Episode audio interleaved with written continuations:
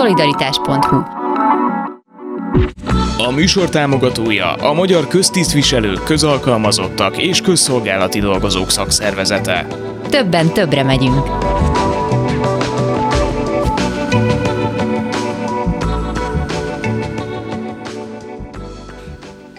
Jó napot kívánok, Sámesz János vagyok. A mai műsorban kicsit május elsegyézni fogunk arról, hogy miről szól ez a nap, miről szól a munkavállalóknak, miről szól a szakszervezeteknek. Aztán beszélgetünk a home office-ról több szempontból is, jogi szempontból, meg abból a szempontból, hogy mennyire akarják ezt a magyar munkavállalók, elsősorban a fiatalok, aztán kicsit bővítjük még ezt, hogy mit akarnak még a fiatalok. Végül pedig a lakhatás lesz a téma, a szakszervezeteknek ez is feladatává vált az elmúlt időszakban, hogy a tagjaiknak az ilyen problémáikat igyekezzenek megoldani, erről már volt szó korábban is ebben a műsorban, és hát valószínűleg lesz is még, és lesz is ma is. Akivel pedig kezdünk, és ha minden igaz, itt van belünk a vonalban, az Lati Róbert, a Magyar Szakszervezeti Szövetség elnöke. Jó napot kívánok! Jó napot kívánok!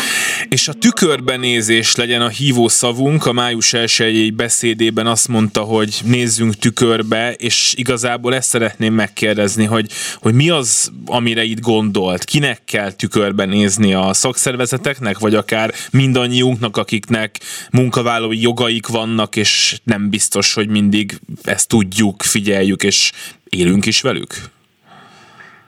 Nagyon szépen köszönöm, hogy így tette fel a kérdést, mert tényleg ez a két oldala van ennek, hiszen ha valaki hallgat ezt a beszédet, akkor, akkor lehet, hogy elsőre tényleg arra gondolt csak, hogy tisztán a szakszervezeteknek kellene tükörbe nézni, mert tényleg a tag létszámfogyásról beszéltünk, de én mindenképpen szerettem volna fölhívni a figyelmet valóban arra, hogy a munkavállalók is nézzenek tükörbe, és, és ők is szervezkedjenek alakítsanak szakszervezeteket, mert, mert tényleg nem csak, meg nem feltétlenül a meglévő adott vállalatnál dolgozó szakszervezeteknek a feladata az, hogy egy másik munkahelyen ilyen szerveződést alakítsanak, tényleg a munkavállalóknak ezt maguknak kellene alulról kellene, hogy ez kezdeményeződjön, illetve megvalósuljon. Mit lát szakszervezeti feladatnak most? A megújulás, az, hogy új stílus, új módszer, új út, amikor erről beszélt, akkor mire gondolt? Ugye itt az egész mozgalomra is ö, utalnék ezzel, persze, de nem feltétlenül kívánok én másoknak a, a úgy szokták mondani, a zsebében e, turkálni. Maradjunk egy kicsit persze a Magyar Szakszervezeti Szövetség berkein belül én azt látom, azt gondolom, és abban az irányba szeretnék tevékenykedni, hogy tényleg egy jobb kohéziót, egy jobb összetartást jelentő, vagy, vagy mutató szakszervi szövetség alakuljon ki, amely minden, hát most ez egy kicsit talán túlzás, de célként tökéletes, hogy minden egyes rezdülésre, amely a munkavilágát érinti, megfelelőképpen tudjon reagálni. Természetesen gyorsabbnak kell lennünk, és hát legfőképpen erősebbnek kell lennünk, és ezért kellene az, hogy a munkavállalók jobban szerveződjenek és szakszervezeteket alakítsanak. Beszélt már arról, hogy stagnáló vagy éppen csökkenő taglétszámokról van szó, és hát nyilván itt idővel, hogyha ha önnek igaza van, és nem változtatnak a szakszervezetek, akkor ez, ez, egy csökke, ez a csökkenés ez folytatódhat, viszont az én kérdésem az, hogy azért ez nyilván nem annyira gyors, tehát hogy alapvetően évekig, évtizedekig el tud még valószínűleg, de javítson ki, hogyha nem így van a, a szakszervezeti mozgalom, ez a nagyon sok szakszervezeti szövetség, meg persze akik alattuk vannak működni, és lehet, hogy ez azzal jár majd, hogy fogy a létszám, fogynak az elérhető eredmények egyáltalán, hiszen, hiszen tagság nélkül az nagyon nehéz, de hogy maga a létezés, maga az, hogy erre valami fajta forrásokat lehet szerezni tagdíjaktól, államból, stb., hogy ez megmarad, és persze mindig lesznek sikeres szakszervezetek, de hogy most arra utalok, hogy szóval, hogy ez még sokáig el tud valószínűleg úgy is működni, hogyha ezek az ön által szorgalmazott változások, ezek nem következnek be. Persze, igen, tehát én, én afelől nem aggódnék, hogy amíg én a munkavilágához tartozom, addig a szakszervezetek mondjuk kimúlnának, erről szó nincsen, sőt én azt szeretném, hogyha soha sem történne ez meg, hanem erősödjünk. De tényleg nem lehet az célom, hogy, hogy én a nyugdíjig kitartsak bármilyen szakszereti pozícióban, hanem amennyiben engem erre megválasztanak, hanem szerintem meg kell próbálni megfordítani ezt a, az arányt. Szakszervezetek, ahol léteznek, ők nagyon-nagyon sokat tesznek ezért, és sok eredménnyel büszkélkedhetnek tagszervezés vonatkozásában, és, hiszen, hiszen olyan fajta fluktuáció a szakszervezetben is van, mint általában a munka, munkahelyeken. Tehát itt is elmennek, a szakszervezettől távoznak kollégák, és nagyon sokat sikerül beszervezni. Sajnos az egyenleggel van a baj. Az egyenleg az, az jellemzően Természetesen biztos, hogy van kivétel is, és hál' Istennek van kivétel, amikor ez fordított, de az egyenleg az úgy tűnik, hogy egyelőre negatív. Amikor azt mondja, hogy politizálni kell, ez ugye mindig nagyon nehéz, mert amikor azt mondják kritikusai akár egy szakszervezetnek, hogy ne politizáljon, akkor mindig arra gondolnak, hogy ne párt politizáljon, hogy ne mondja ugyanazt, amit egyik vagy másik párt mond, de amikor ön politizálásról beszél, akkor én felteszem, hogy arra gondol, hogy, hogy, hogy hatást gyakorolni a döntéshozatalra, ami maga a politika legyen más, hogy történjen meg egy, nem tudom, munkatörvénykönyve módosítás mondjuk. Ezt elérni az politika, de nem arról szól, hogy, hogy az, az, az az érdekes, hogy, hogy kinyeri a választást, hanem hogy az az érdekes, hogy hogyan alakulnak a törvények, amik a munkavállalókról szólnak. Így van, mi azt szoktuk mondani, hogy a szakszervezet az párt semleges, de nem politikamentes. Hát nem lehetünk politikamentesek, természetesen ennek különböző szintjei vannak, vagy különbözőképpen lehet értelmezni, de valóban a politika az, amivel igyekszünk az érdekérvényesítő képességünket erősíteni vagy bemutatni. Valóban arról van szó, hogy én azt képzelem, de hát szerintem sokan mások is, hogy politizálnunk kell, a egy-egy politikai irányjal kapcsolatosan és, és határozottan elköteleződni nem szabad. Nekünk van, aki így fogalmaz, hogy a szakszervezeteknek mindig ellenzékben kell maradnia, és azért ez bebizonyosodott, hogy korábban is, amikor baloldali kormány volt, akkor is voltak természetesen megmozdulások, sztrájkok, és hát más, akár most jelenlegi Fidesz kormány alatt is szükség van ezekre, hogy megmutassuk, hallassuk a hangunkat, illetve hát megmutassuk az erőnket, és hát ez utóbbit kell azért erősíteni, hiszen azt gondolom, hogy vannak olyan példák, amikor, amikor több embernek kellett volna megjelenni, illetve felsorakozni a szakszereti hívó szóra. Május 1 egy beszéd volt ez, úgyhogy csak egy nagyon picit arról, hogy, hogy milyennek az egész május 1 a munkanapjának az üzenete ön szerint 2022-ben Magyarországon, és hogy átmegy ez, a, ez, ez, a, ez az üzenet vajon az, az embereknek, a dolgozóknak, vagy, vagy ez egy olyan nap, mint a többi, nagyon sok esetben, azon kívül persze, hogy mondjuk nem kell dolgozni. Igen, érdekes, hogy ugye a munka vagy a munkavállalók ünnepét ugye a munka nélkül, vagy hát munkaszünettel ünnepeljük, ez persze jó, de a legjobb az, amikor valóban az embernek van munkája, és ezzel megfelelő jövedelemre, a létfenntartásához szükséges jövedelemre szert tesz. Talán a most 2022-es május 1 Hát az üzenete lehet az, ahogy én kezdtem, ugye, hogy az első szabad május 1 de itt pusztán most uh, annak arra utalnék, hogy hát ez egy kis kihagyás után az első szabad május 1 volt, vagy az első lehetséges uh, május 1 volt, amelyből egyébként nekünk építkeznünk kell.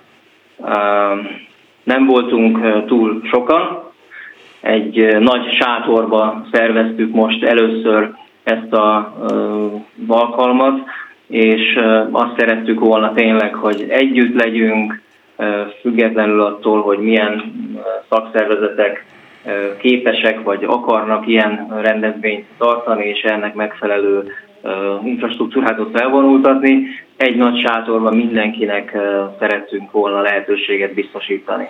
El kell mondjam, hogy azért hiányosak voltak a sorok, ez bizonyára akik ott voltak látták, vagy akik közvetítést erről láttak, azok ezt tapasztalták. Tehát van hova fejlődnünk, van honnan elindulnunk. Tényleg azt üzenném a, a érintetteknek, minden munkavállalónak, természetesen elsősorban a szakszereti tagoknak, és reméljük, hogy jövőre még több szakszereti tagnak, hogy a munka vállalók a munka ünnepén is egy demonstráció az, hogy hányan jövünk el egy-egy ilyen rendezvényre, vagy hát egy ilyen rendezvényre, de egyébként lehet ez az ország bármely pontján is, és megmutatni azt, hogy még van bennünk erő, együtt gondolkodunk, és hát ezen az úton kívánunk tovább menni. Erre mindig szükség van, amíg tőkés van, amíg munka van, amíg munkavállaló van, és hát amíg szakszervezet van, erre folyamatosan szükség lesz a jövőben. Köszönöm szépen Zlati Robertet, a Magyar Szakszervezeti Szövetség elnökét hallották. Én köszönöm a megkeresést. Szolidaritás A telefonnál pedig itt van velünk Fodróci Géza munkajogász. Jó napot kívánok! Jó napot kívánok, üdvözlet! És a távmunkának, ismertebb nevén home office szabályozásnak a kérdését fogjuk több szempontból a mai műsorban még kibeszélni. Az első az a jogi szempont lesz. Ugye jelenleg egy olyan veszélyhelyzeti időszakban élünk, amikor a távmunka rendelettel van szabályozva, de amikor majd ez a veszélyhelyzet véget ér, akkor úgy tudjuk most, hogy egy törvénymódosításnak köszönhetően ez törvényben is szabályozva lesz, de egy nagyon picit arra kérem, hogy menjünk vissza a múltba, és még a járvány előtti időszakban, amikor a home office talán nem volt, ah, hát biztosan nem volt annyira elterjedt, mint a járvány alatt és azóta is, akkor ez az egész dolog nem volt igazán a magyar jogrendszerben szabályozva? Tehát, hogy nyilván rengeteg vállalkozásban létezett a home office valahogy, de ez inkább ilyen munkaadó és munkavállaló közötti megegyezésen múlt, és nem azon, hogy mi van leírva a jogszabályokban? Hát eddig is lehetőség volt arra, hogy a munkavállaló és a munkáltató megállapodjanak abban, hogy távmunkavégzés keretében dolgozzon. Jellemzően a munkaszerződésben szoktuk ezt szabályozni, és mind a két fél leírta ott azokat a feltételeket, vagy a két félnek a megállapodás alapján lettek írva a feltételek. Itt most a veszélyhelyzet alatt lett már egy jogi kerete is ennek. A, egy kormány rendeletben szabályozták ezt, és hát azt kell mondani, így lett így lett elterjedtebb az egész országban, és hát itt a, a szükségül azt kell mondani, erény lesz, tehát nagyon sokan használják ezt a módszert, és azt kell mondanunk, hogy, hogy a munkálatok is rájöttek arra, hogy azért ez egy költségkimérő módszer is. E, e, sokkal kevesebb utazási költség, egyéb költségek lettek, és hát megszerette mindkét fél ezt, csak hát ezeket azt kell mondanom, hogy jól kell a feltételeket megfogalmaznunk a megállapodás vagy a munkaszerződésben, és akkor szerintem mindkét fél ebből tud profitálni. Igen, rá fogok majd kérdezni ilyen külön dolgokra, hogy mi az, ami előfordulhat akár vitás kérdésként, de nézzük meg még azt előtte, hogy most, ha véget ér a veszélyhelyzet, lesz egy új jogszabály, akkor abban mi lesz, tehát hogy hogyan kell majd a szabályok szerint ezt a távmunkát ezt rendezni? Van most a 487 per 2020-as kormányrendelet, ez majd júniusban hatályon kívül lesz helyezve, lesz új jogszabály helyette.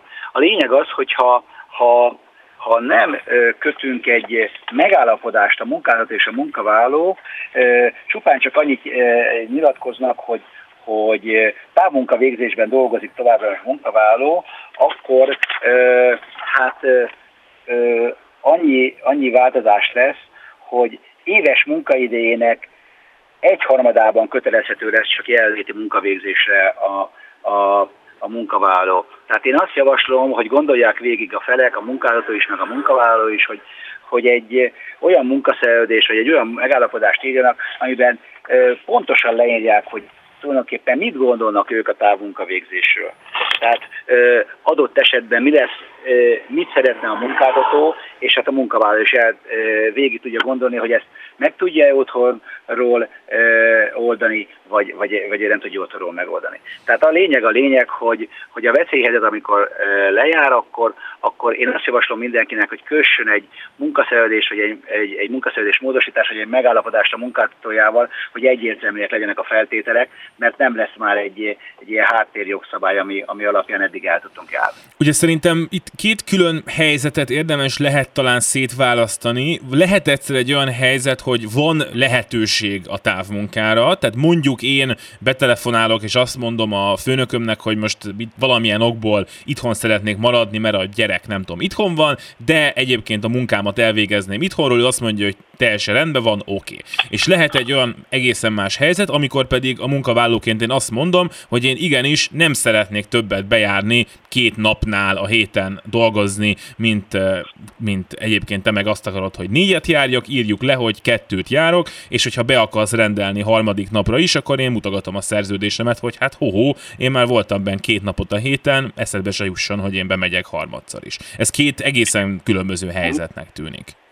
Azért a munkaviszonyról beszélünk, itt fontosnak tartom jelezni, hogy itt a munkáltatónak utasítási joga van. Igen. Tehát azért akárhogy is nézzük, egy munkaviszony, egy aláfölé rendeltségi viszony, valóban a munkaszerződésben, illetve a munkatörvénykönyvében egyre több, és álláspontom szerint egyre jobb jogosítványokat kapnak a munkavállalók, de azért a munkáltatónak megmarad az utasításadási joga, tehát hogyha ne adj Isten egy olyan jellegű munka lenne, hogy valami kampány jellegű dolgokba most szüksége van a munkavállalókra, hogy hogy megjelenjenek a munkahelyükön, azért ez a joga továbbra is megvan. Tehát ezért, ezért a munkáltató szempontjából jobb munkaviszony, jobb a munkaviszony, mint egy, egy, egy egyszerű megbízási jogviszony. Tehát azért ezt, ezt a fő, fő szabályt, hogy a munkáltató utasítási joga, ez mind meg, meg fog maradni ezt követően is.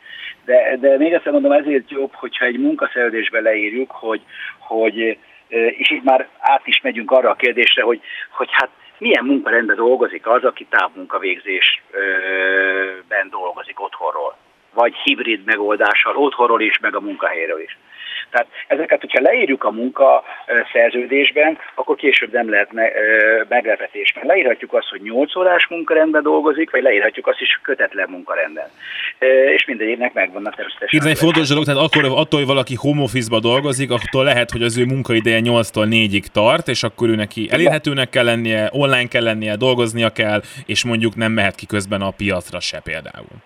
Ez így van, tehát hogy azt mondja a munkáltató, hogy ő 8-tól 4-ig tud neki adni olyan feladatokat, illetve akkor kéri, hogy rendelkezésre álljon, hogyha telefonon vagy, vagy, vagy számítógépen el akar érni, akkor valóban ezt megkövetelheti. Van olyan, ahol azt mondják, hogy hát tehát közvetlen munkarend, de ott is szokott lenni egy, egy ilyen sokszor mit tudom, 9-től 2-ig egy olyan időpont, amire akkor kérik, hogy elérhető legyen a munkavállaló.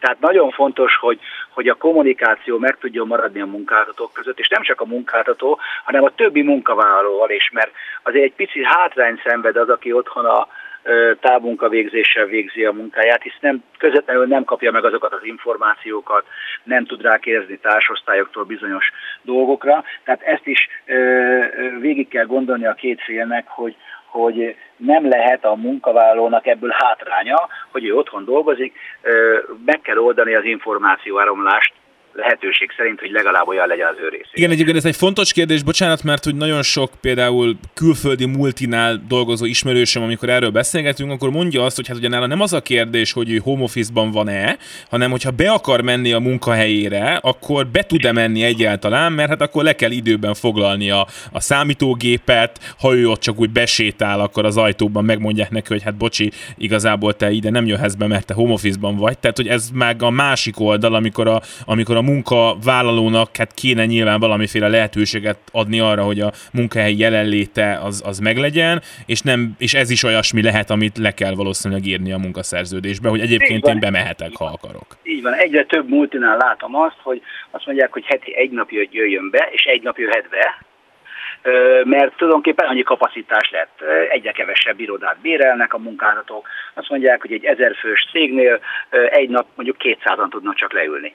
Annyi, annyi, annyi ö, asztaluk van, és ennyien tudnak leülni, és ezt meg is szervezik úgy, hogy, hogy mikor legyen az, hogy adott osztály mondjuk kedden, szerdán vagy csütörtökön, akkor találkozzanak, és akkor legyen a, a, a munka végzés helyén, ez amúgy meg mindent otthonról csinálnak.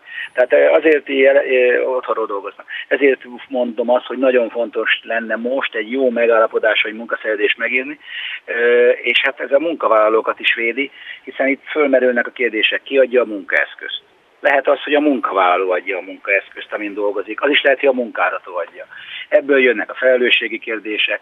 Következő kérdés fölmerül, ne adj Isten munkai baleset.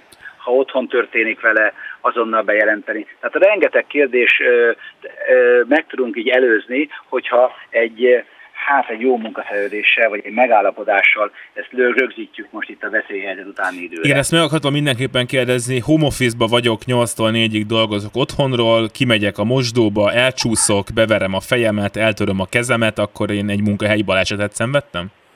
Így van, így van. Természetesen, amikor a, munka, a, a, a munkaszerződést megkötjük erről a távmunkavégzésről, alapesetben, legtöbb esetben azért a munkáltató is kijön, megnézi azt a helyszínt, megnézi a, a munkavállalónak a, az otthoni munkavégzésének a helyszínét, hogy egyrészt maga az a, az a környezet alkalmas arra, hogy otthonról dolgozzon, és hát valóban egyéb ilyen otthoni baleset is ebben az esetben munkai balesetnek minősül. Így van. Na ez egy nagyon érdekes dolog lesz, hogy egyébként a gyakorlatban ez majd hogyan történik. Ha már mondta, hogy ilyen esetben kimegy a, a munkaadó megnézni a helyszínt, ez egyébként egy home office-ban lévő munkavállaló esetében máskor is előfordulhat? Tehát, hogy mondjuk egy munkaadó megteheti azt, hogy most nem tudom, fél évente egyszer megnézi azt akár személyesen, hogy az ő home office lévő alkalmazottja tényleg home office van-e, ott tényleg végzi a munkáját. Tehát magyarán gyakorlatban bekopoghat az én főnököm hozzám, hogy hello, itthon vagy, dolgozol?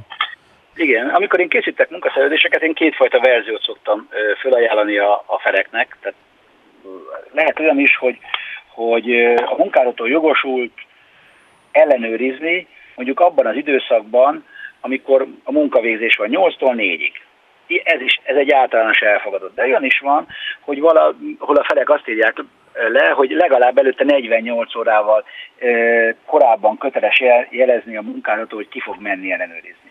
Tehát mind a kettő elfogadott, én úgy gondolom, hogy, hogy a lényeg az, hogy én úgy gondolom, hogy egy általános 8 és 4 óra között ellenőrizzen a munkáltató, és azért egy az adott helyzetben elvárhatóan jó, azért egy pár órával, vagy hát én, én a 48 órát szoktam, mert 48 órával korábban már jelezze. Tehát ez, ez nem arról tehát a bizalmi elv is van a felek között, tehát azért korábban jelezzük, hogy mikor fogunk kimenni. Én legfontosabb, én mindig a bizalmat tartom a felek között, itt nem egyfajta ilyen rajtőtésszerű ellenőrzésről legyen szó. Azt megnézheti a munkálató, hogy valóban olyan környezetben, olyan viszonyok között dolgozik-e a, a munkavállalója, de, de nem az a lényeg, hogy itt most rajtőtésszerűen meglepjük a kollégát. Mennyire fordulhat majd az elő, hogy akár például rezsitámogatást ad egy, egy munkaadó a munkavállalónak, mondván a munkavállaló azt mondja, hogy én otthon vagyok egész nap, neked dolgozok, itt fűtök, és nem tudom, itt iszom a vizet, ez nekem többe kerül, mint ha bemennék az irodába. Egyrészt, egyrészt természetesen ez a bér, meg a, tehát a bér, bér, amikor a bérről nem vitatkoznak, a bérből egyeznek meg a felek, akkor is szerintem ez vesse fel a munkavállaló, de az itt megvan a, a, a, a tételes elszámolásnál, megvan az SZIA törvénynek a rendelkezése is, maximum a SZIA mentesen, tehát mentesen a minimálbér 10%-áért, tehát most ha jól, jól emlékszem, hogy a 20 ezer forint környékét tudnak így adni, a többi már SZIA köteles. Tehát itt végig kell gondolni a feleknek, hogy, hogy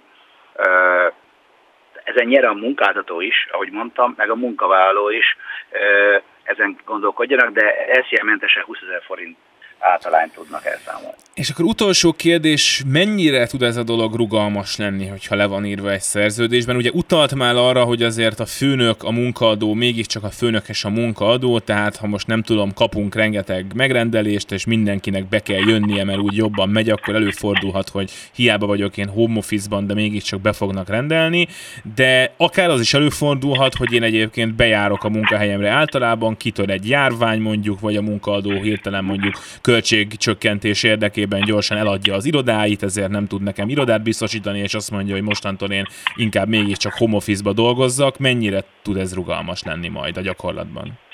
Hát ugyanúgy, mint az eddigi munkaszerződések. Tehát itt is minden munkaszerződés annyit ér, amennyit be tudnak tartani belőle a felek. Tehát ezért fontos, hogy ezt jól átbeszéljük. Másrészt én megint a legelejére visszatérek a beszélgetésünk elejére, hogy milyen munkarendet állapítottunk meg. Tehát, hogyha 8 órás munkarendben vagyunk, a 8 órán túli munkavégzésnek van ellenértéke. Tehát mit tudom, 8-tól 16-ig dolgozok, ha 16 után követeli meg tőlem a munkáltató, akkor van el, akár lehet készenlét, lakáskészenlét, túlóra. Hogyha ha kötetlen munkarendben vagyok, akkor sajnos ö, azért ott kevésbé tudok munkavállalóként követelni ilyen jellegű dolgokat.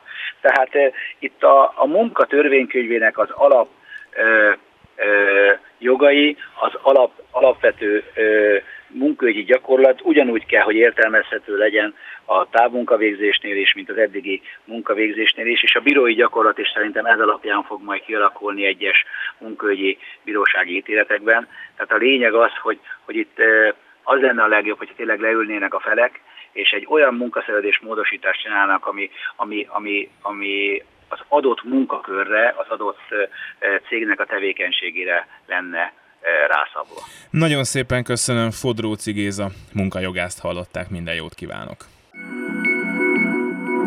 Szolidaritás.hu A műsor támogatója a Magyar Köztisztviselők, Közalkalmazottak és Közszolgálati Dolgozók Szakszervezete. Többen többre megyünk. Folytatjuk a beszélgetést, és hát a távmunka kérdésével aztán egy kicsit bővíteni fogjuk majd ezt arra, hogy mit akarnak a fiatalok a munkavilágától jelenleg. Aki a segítségünkre lesz ebben, az Baros Levente, a Sönhez Iskola Szövetkezet elnöke. Jó napot kívánok! Napot kívánok, üdvözlöm a kedves hallgatókat. Hát felmérték, hogy a 18-25 éves korosztály mit szeretne, de mielőtt rátérünk erre bővebben, én azt kérem, hogy kezdjük ezzel a home office kérdéssel, mivel a korábbi interjú már erről szólt jogi szempontból, és most nézzük meg azt, hogy az önök felméréséből ebből a szempontból mi derült ki, mennyire ragaszkodnak a 25 év alattiak ahhoz, hogy távmunkában, otthonról, külföldről, egy kávézóból dolgozhassanak, akár olyan munkafeladatokat végezhessenek, amiket mondjuk 5-10 éve még egyértelműen egy, egy irodában végeztünk volna. Érdekes eredménye van a felvétel, a felmérésnek, hogy meghallgattuk a, a diákjainkat, és 1200 válaszadóból jött ki az eredmény. Uh, úgy néz ki, hogy a válaszadóknak a 31%-a az öt legfontosabb adottság közé sorolta a home office uh, hát így azért nem került be a top 5-be összességében, viszont, uh, viszont a, a megkérdezetteknél úgy nézett ki, hogy ha az irodai munka és a home office között kell választani, akkor a diákok 60% a home office mellett fogsolt. Viszont, hogyha azt a kérdést tettük fel, hogy hogyan osztanák be az idejüket, akkor, akkor a válaszadók azt mondták, hogy a felét otthon töltenék a munkaidőnek, a felét pedig, felét pedig az irodai helyszínen.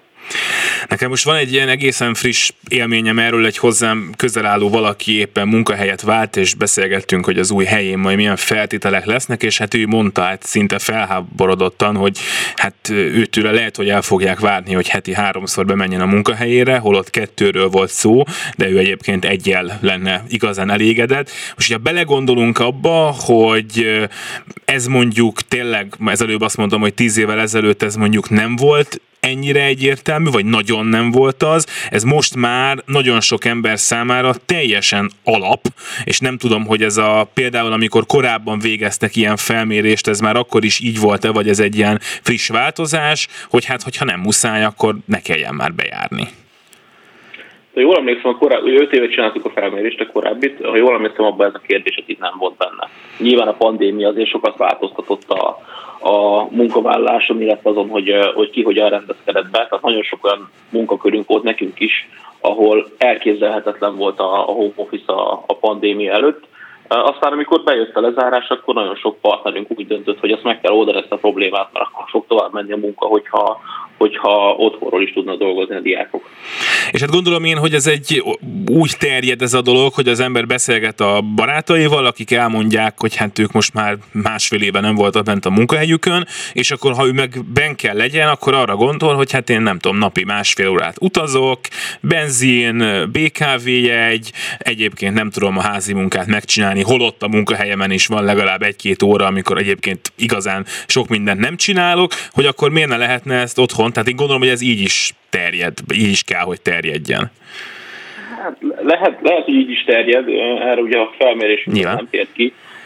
Én azt tapasztalatom saját, azt tapasztaltam saját ismerősi körből, hogy hogy szeretik az emberek a home office, de, de akinél, akinél meg kifejezetten csak home office van, van olyan ismerősöm is, akinél csak az van, ők viszont nagyon vágynak be az irodába. Tehát én, én azt gondolom, hogy így, hogy vissza lehet már jönni, így, hogy lehet emberek között uh, uh, időt tölteni, uh, én azt gondolom, hogy ez az egészséges fele-fele arány fog majd valamikor uh, beállni, és ez a, és ez a hibrid munkavégzés lesz az ami, az, ami irányába elmegy mindenki, mert egyik, egyik véglet sem jó. Tehát a tisztán home office sem jó, meg a, meg a csak irodai munka is. Nyilván régen csak ezt tudtuk elképzelni, de most azért látjuk azt, hogy van előnye a, ennek a hibrid munkavégzésnek. Felmérésből kiderül az, ugye azt mondta, hogy ezt a nagyon fontos pontok közé sorolják a megkérdezettek, de hogy egyébként ez akkor dönt, tehát hogyha mondjuk van két munkahely, ami, hol az egyik mondjuk jobban fizet picit, a másik is majdnem olyan jól fizet, de ott viszont van home office, hogy az például ebbe az irányba döntse el, hogy az ember melyiket választja, vagy akár az is lehet, hogy már egy felmondáshoz elvezethet az, hogy hát én szeretnék egy-két nappal többet otthon lenni, de nem lehetek, akkor keresek egy olyat, ahol ezt meg tudom csinálni. Hát miért nem tudjuk alátámasztani, tehát a diákoknál ez annyira nem, nem volt kimutatható.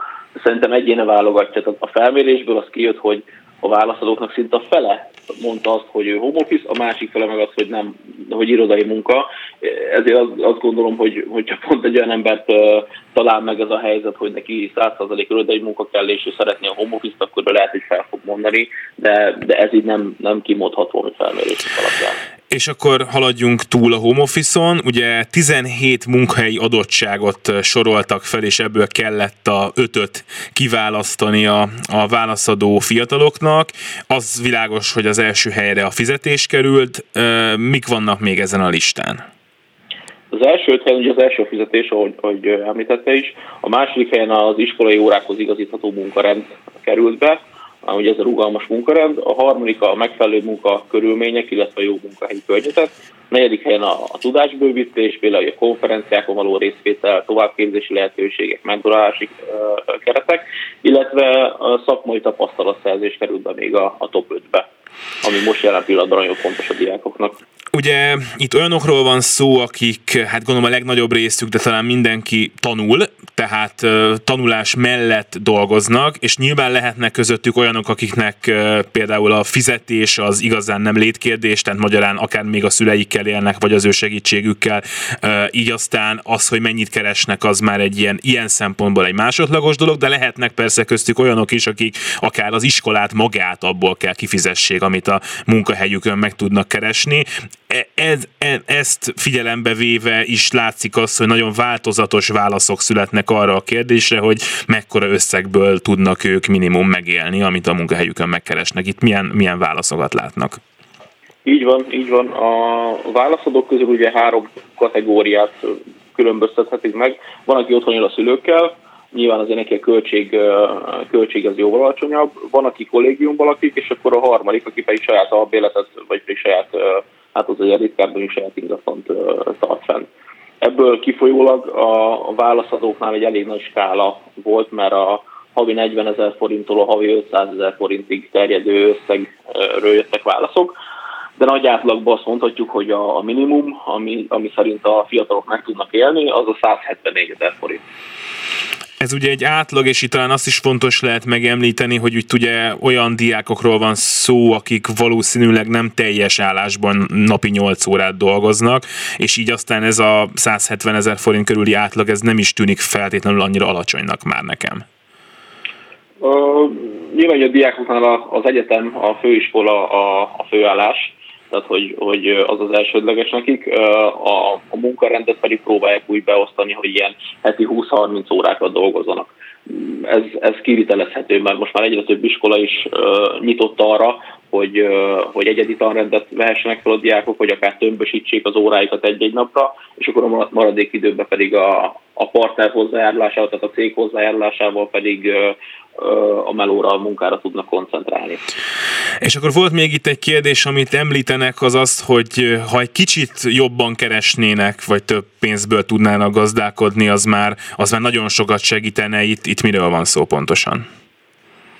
Hát itt nem, nem a minimumra kérdeztünk, hanem hogy mi lenne az ideális, ami, amiben már több minden belefér, akár nyaralás, akár az, hogy elkezdenek valamire félretenni, és akkor itt a válaszadóknál itt is szintén a nagy átlagot mondom, hogy 250 ezer forint jött ki, az a, az a havi pénz, amiből már félre is tudnak tenni, tudnak egy kicsit előre gondolkodni, és nem csak a, a havi minimumot tudják belőle kigazdálkodni.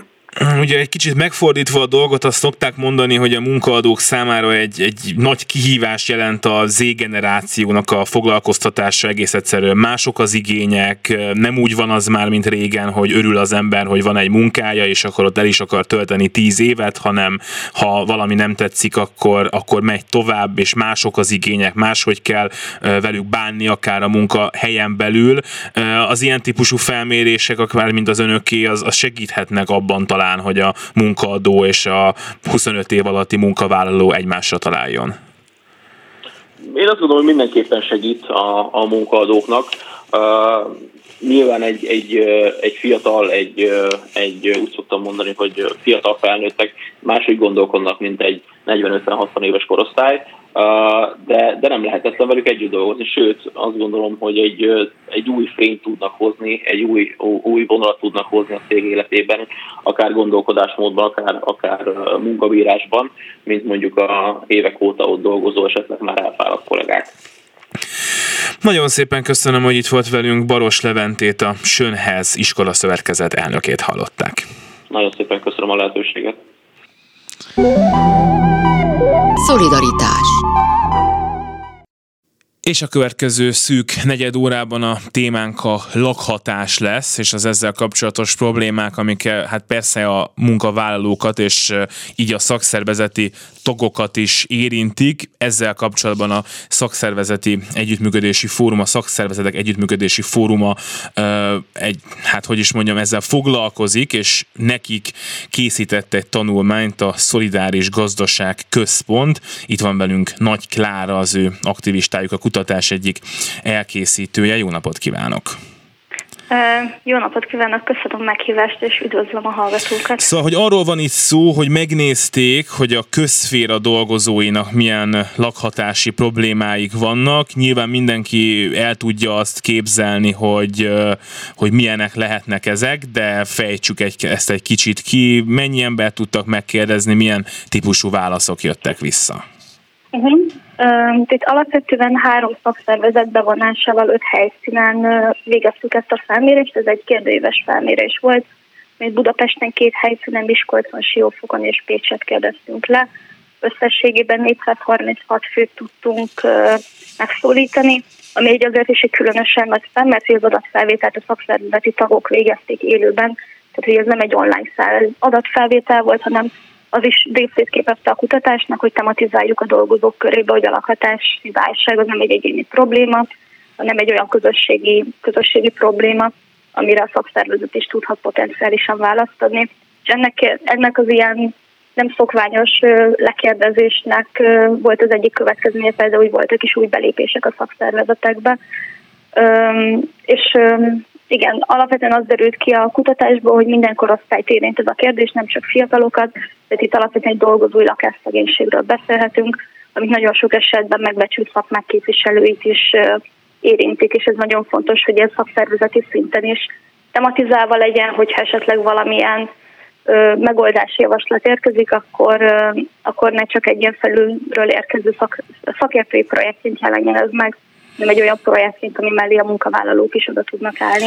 Amikor, amikor azt mondjuk, hogy lakhatási probléma van, akkor azért nagyon sokféle dologra gondolhatunk, azt uh-huh. jól gondolom, mert tehát gondolhatunk arra, hogy valakinek effektív nincs hol élnie, de gondolhatunk arra, hogy van egy saját lakásom, ugyan, de nem tudom kifizetni a törlesztő részletét, vagy éppen akkor a teher van rajta, annyi hitel van rajta, hogy ez egy örök probléma, vagy éppen van egy lakásom, de hát el kell döntenem a hónap végén, hogy mondjuk a, a rezsiszámlát azt, azt még mennyit lehet csúsztatni annak a kifizetését. Tehát ilyen, ilyen sokféle uh-huh. gondja lehet, én gondolom, a szakszervezeti tagoknak is. Ö, igen, a, az azt kihangsúlyoznám, hogy ugye a lekérdezés szakszervezeti tagok végezték, viszont nem csak szakszervezeti tagok körében készült uh-huh. ez a felmérés, tehát alapvetően hogy általában ez köz, közférában dolgozó munkavállalókat érintett, és ahogy említette, tényleg ez nagyon sok szempontban tud megjelenni, vagy nagyon sok tényezőben tud megjelenni, hogy, hogy problémát okoz a lakhatás kifizetése. Ugye azt, azt lehet tudni, hogy a közférában ö, ö, alapvetően a lakhatás az a jövedelemnek legnagyobb részét elvívő tényező, és ami konkrétan kijött ez a kutatásból, amik problémaként lehet konceptualizálni, az egyrészt a lakássűrűség, tehát minden helyszínen jóval nagyobb háztartásban éltek a válaszadók, mint országosan, vagy ahol, megnéz, vagy ahol releváns volt akkor a Pest megyei vagy a budapesti átlagnak, annak ellenére, hogy az országos átlagnál jóval kevesebb kiskorú gyermek élt ezekben a háztartásokban, tehát itt felnőttekkel túlzsúfolt lakásokról volt szó, Emellett rákérdeztünk a lakhatást érintő problémákra is, tehát olyanokra, mint a beázás, rezsibefizetéssel való késés, vagy penészes vagy dohos lakás, és itt is helyszíntől függően a válaszadók átlagosan minimum egy harmadát, maximum pedig két harmadát érintették az elmúlt egy évben ilyen problémák, amik ugye nagyon gyakran plusz kiadással is járnak. Ö, emellett rákérdeztünk a lakhatási költségekre is, ahol Magyarországon alapvetően használunk erre egy ilyen bevett mutatót, ami akkor beszélünk megfizethetőségi problémáról, hogyha a háztartás összbevételének több mint 40%-át teszik ki a lakhatási költségekhez. Magyarországon ez minden tizedik háztartásra igaz, ami amúgy visegrádi országok közül a legrosszabb arány.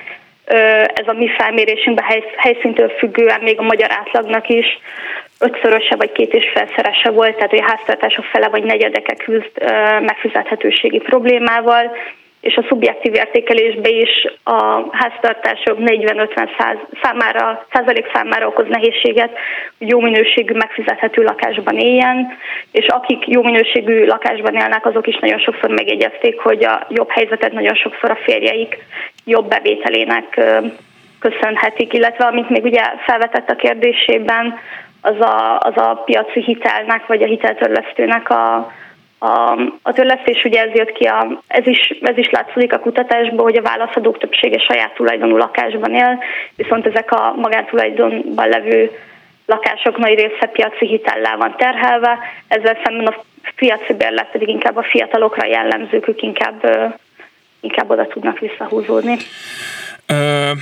A megoldásokról beszéljünk kicsit két szempontból. Ön, illetve hát ön is személyesen tartott szakszervezeteknek ilyen továbbképzéseket, és hát a kérdésem az arra vonatkozik is először, hogy ők miben tudnak segíteni, meg miben tud akár ön segíteni nekik abban, hogy ők jobban tudják segíteni a saját tagjaikat abban, hogy, hogy lakhatáshoz jussanak, vagy akár, hogy ezek a már említett problémák, ezek, ezek megoldódjanak. Nyilván nagyon egyszerű lenne azt mondani, hogy hát persze, ha többet keresne, akkor be tudná fizetni a számlát, számláit, de nyilván ez lenne persze valószínűleg a legegyszerűbb megoldás. Um, igen, ez, ezt, ezt a szakszervezetek is nagyon sokszor felhozták, viszont ugye ma is azzal szembesülhetünk, hogy a, a lakhatás az olyan mértékben dráguló szegmens ma Magyarországon, hogy akár még egy növekvő bérrel is nagyon-nagyon nehéz követni a, a lakás, lakáspiacnak az árnövekedését.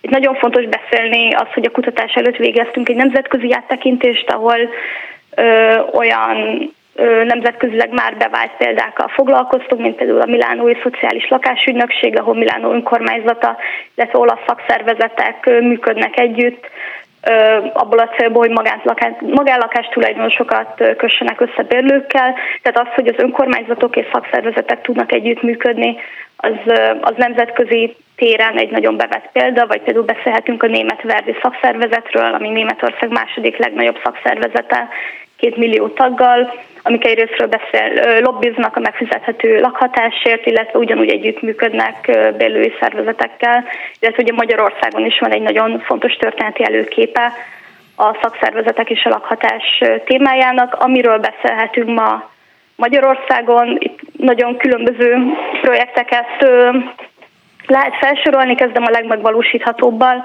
Az alapvetően ugye, hogy a, a lakhatás ez egy nagyon erőforrás igényes terület, és tehát akkor lehet eredményes egy ilyen együttműködés, hogyha van partnerség más szervezetekkel, ezek a más szervezetek ideális esetben önkormányzati, illetve civil kapcsolatokat jelenthetnek. A legmegvalósíthatóbb azok önkormányzati, önkormányzati együttműködések lehetnek, ami akár úgy is elképzelhető, hogy egy ilyen szorosabb kapcsolat a szociális osztálya, vagy akár eljuttatni a szakszervezeti tagokhoz olyan információkat, hogy hogyan kell bérlakást igényelni.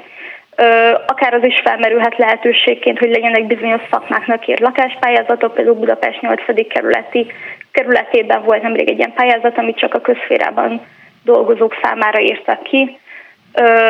Ami még egy hasonlóan megvalósítható projekt, és ami Magyarországon is működik a Milánói példa mellett, az a, az a lakásügynökségnek az ötlete Magyarországon működik a Veszprémi közösségi lakásügynökség, ez a Veszprémi önkormányzat és a Máltaiak közös projektje, vagy például beszélhetünk a Budavári lakásügynökségről, ami Budapest első kerületi önkormányzatának és az utcáról lakásba egyesületének ilyen közös projektje, aminek a célcsoportja az kifejezetten a kerületben, közszolgálatban dolgozók, és ez pedig egy nagyon fontos szempont szerintem, ami egy szakszervezeti felelősséget tud kijelölni, hogyha esetleg kialakul egy ilyen lakásügynökségnek az ötlete, vagy a helyi önkormányzat erre nyitott, akkor fontos, hogy a, hogy a szakszervezeti szempontok már az elejétől megjelenjenek.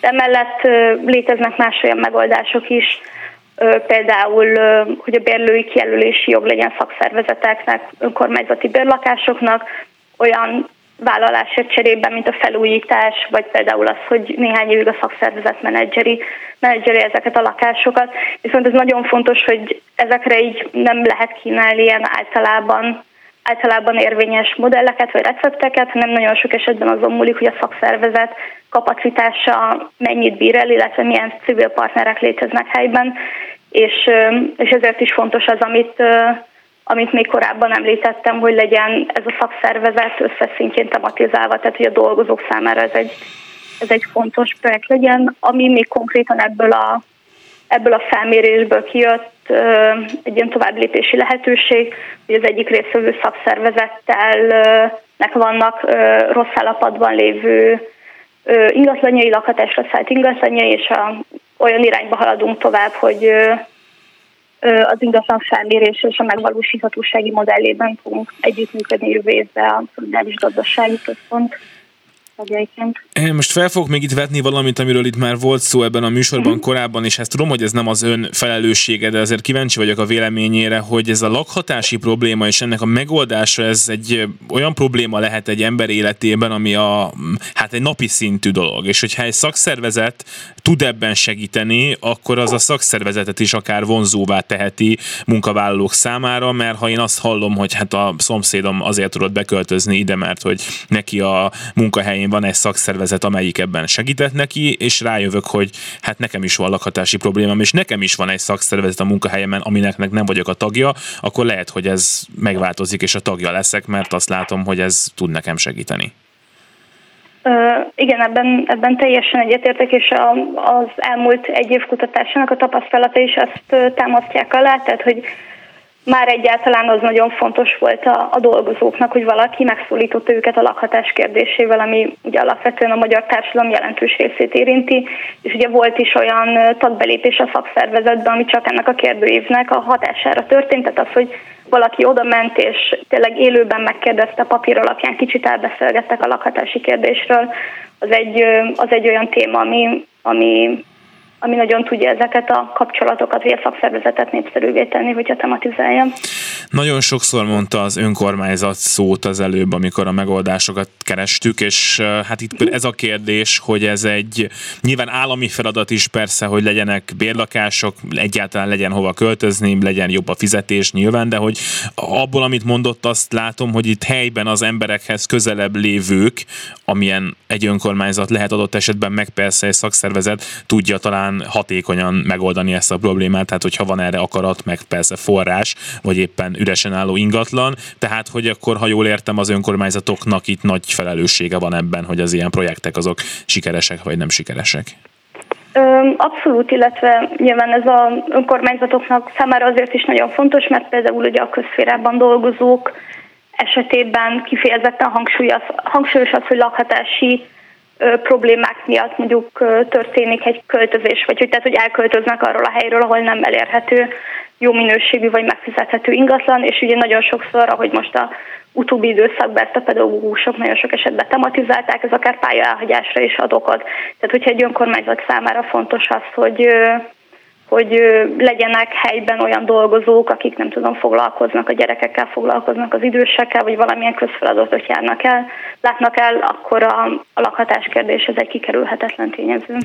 Egyébként utolsó kérdésem, ez a, nyilván nagyon sok embert érintenek lakhatási problémák Magyarországon. Az ilyen projektek, amilyen az önöké is, és amilyenből még ön is most említett többet uh-huh. is, ezek, ezek hát hogy is mondjam, összességében nyilván megoldhatják egyes embereknek ezt a problémáját, ami, ami nagyon jó, de talán a, az általános problémában nem segítenek olyan sok embernek, amennyinek ezzel gondja van. Nem tudom, hogy ezt jól látom-e, vagy ha nagyon sok ilyen projekt van, akkor, akkor talán előbb-utóbb ez a probléma, ez egy kisebb probléma lesz általában a társadalom számára. Uh-huh. Igen, hát a, mi a Szolidáris Gazdaság Központban ezért választunk direkt, direkt olyan problémákat, amik akár később modellként szolgálhatnak más területekre, vagy más, tehát hogy más nagyságrendi megoldást is tudnak jelenteni, replikálhatóak. Tehát, hogy bár, bár egyes helyszínbe kezdődnek, de azért igen, szerintem is fontos, hogy ezek tágabb körben érhetőek legyenek. Hát igen, a mindenkori állam figyeljen erre oda, hogy kicsiben mik működtek. Nagyon szépen köszönöm Nagy Klárának, a Szolidáris Gazdaságközpont aktivistájának, a korábban említett kutatás egyik végzőjének, hogy itt volt velünk. Minden jót kívánok! Nek is viszont. Szolidaritás Gerendai Balságnes volt a szerkesztő, Gál Bence a technikus, Lehoszki Miriam kezelte a telefont. Nagyon szépen köszönöm, hogy itt voltak.